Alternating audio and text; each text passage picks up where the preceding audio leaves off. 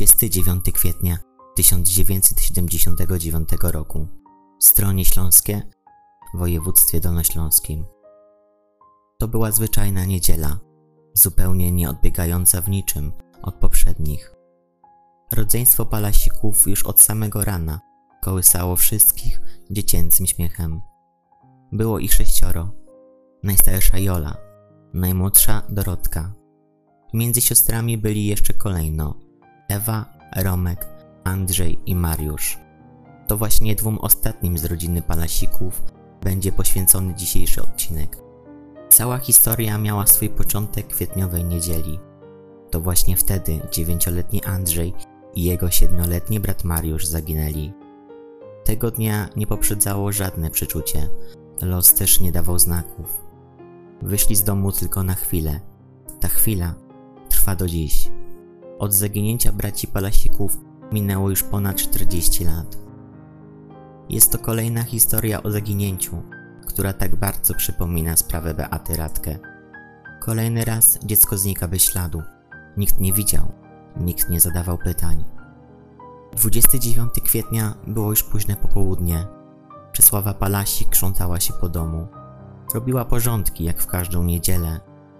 Andrzej z Mariuszem byli już w domu, ale wybłagali matkę, aby pozwoliła im wyjść i jeszcze na chwilę się pobawić. Matczne serce uległo dwóm urwisom, dając pozwolenie na odrobinę swobody przed kolejnym tygodniem nauki. Na podwórze wyszli razem z najmłodszą siostrą Dorotką. Na środku terenu stała jeszcze piękna huśtawka, a nie opodal piaskownica. Na plac przed domem wychodziło okno z mieszkania palasików. Dzieci doglądała właśnie z niego, najstarsza z sióstr Jolanta, kontrolnie zerkając co jakiś czas na zewnątrz. Nic nie wzbudzało jej niepokoju. Oprócz rodzeństwa widziała tam też bawiące się inne dzieci sąsiedztwa. Czesława Palasik po jakimś czasie wyszła z kamienicy na podwórze. Zaniosła jeszcze dzieciom po pajdzie chleba z masłem i cukrem. Zabrała też wtedy najmłodszą Dorotkę do domu, tłumacząc dziewczynce, że jest jeszcze za mała, aby tak długo bawić się na dworze.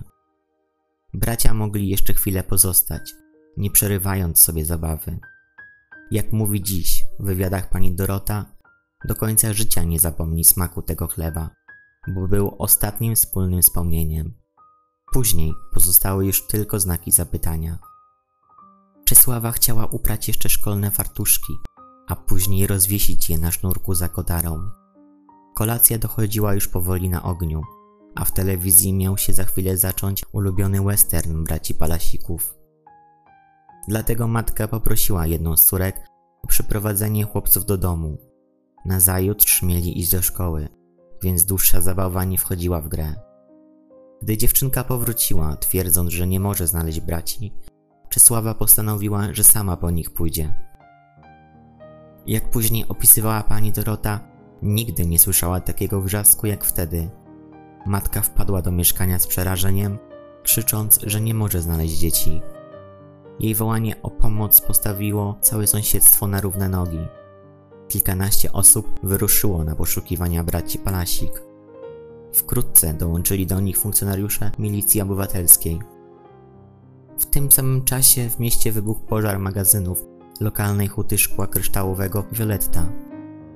Jak ustalono później, krążyła plotka po stronie śląskim, że to właśnie bracia Palasik mogli stać za tym podpaleniem. Jeden ze świadków zeznał, że widział jak dziewięcioletni Andrzej i siedmioletni Mariusz wybiegają, cali osmaleni z płonącej huty. W dłoniach podobno mieli mieć pudełko zapałek. Inny ze świadków zeznał, że widział chłopców jedzących lody w towarzystwie jakiegoś mężczyzny. Dlatego funkcjonariusze milicji wzięli pod uwagę kilka z możliwych scenariuszy. Jeden z nich zakładał, że po podpaleniu magazynów huty szkła bracia Palasik się ukryli, obawiając się konsekwencji za swoją zabawę.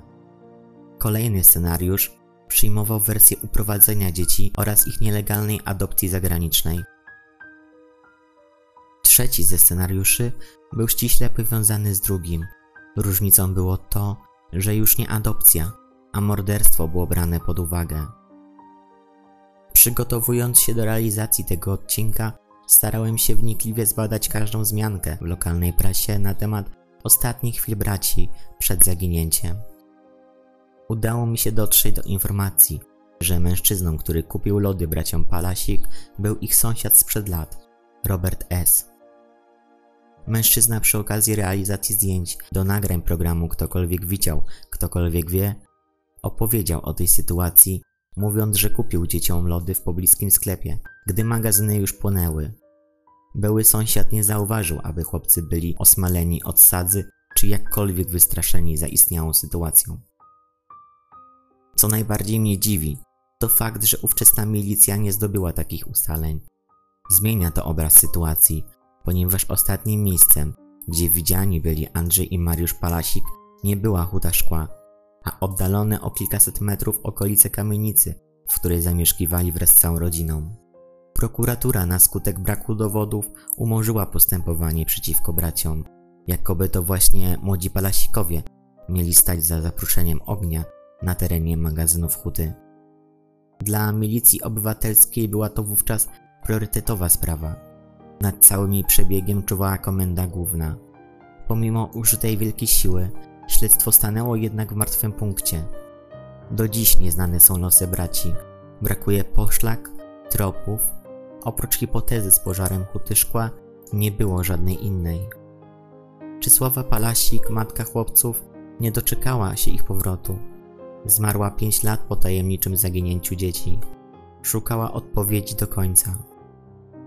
Po śmierci matki to właśnie pozostałe rodzeństwo przejęło rolę w poszukiwaniach.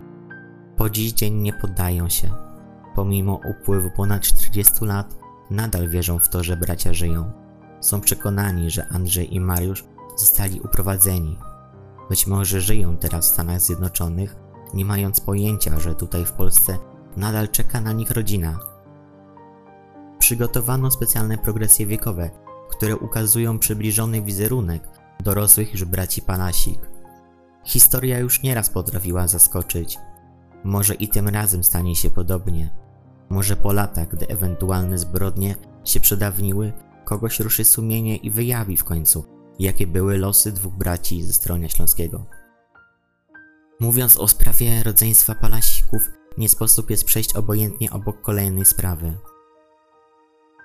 Na dwa dni przed zaginięciem braci Palasik, 27 kwietnia 1979 roku, w oddalonej o 45 km od stronie śląskiego Szczytnej, dochodzi do zaginięcia dziecka. Bez śladu ginie wtedy pięcioletnia Danusia Pisnal. Jedyne zdjęcie dziewczynki, jakie jest dostępne, pochodzi z okresu, gdy miała dwa lata. To był piątek. O godzinie 15 pani Jadwiga Pfeiffer musiała iść po sprawunki do oddalonego o kilometr Batorowa. Pięcioletnia Danusia nie chciała iść z matką tego dnia. Wolała zostać i pobawić się na podwórzu. Ojciec dziecka w tym samym czasie spał w domu. Gdy pani Jadwiga wróciła z Batorowa, dziecka nie mogła już znaleźć. Rozpoczęła gorączkowe poszukiwania. Usłyszała wtedy od sąsiadów, że Danusia, nie widząc mamy, poszła jej szukać. W dzisiejszych czasach taka sytuacja byłaby nie do pomyślenia, ale były to zupełnie inne czasy. Dlatego sąsiadów nie powinniśmy osądzać. Na pewno do dziś żałują, że nie zatrzymali dziewczynki. Do akcji poszukiwawczej oprócz milicji obywatelskiej włączyło się też wojsko. Oficjalnie nigdy nie połączono spraw zaginięcia braci Palasik i Danusi Pisnal. Taką hipotezę wysnuł dopiero po latach jeden z detektywów, który zainteresował się zagadkowymi przypadkami zniknięć dzieci na terenach województwa dolnośląskiego. W przypadku Danusi Piznal postawiono trzy hipotezy.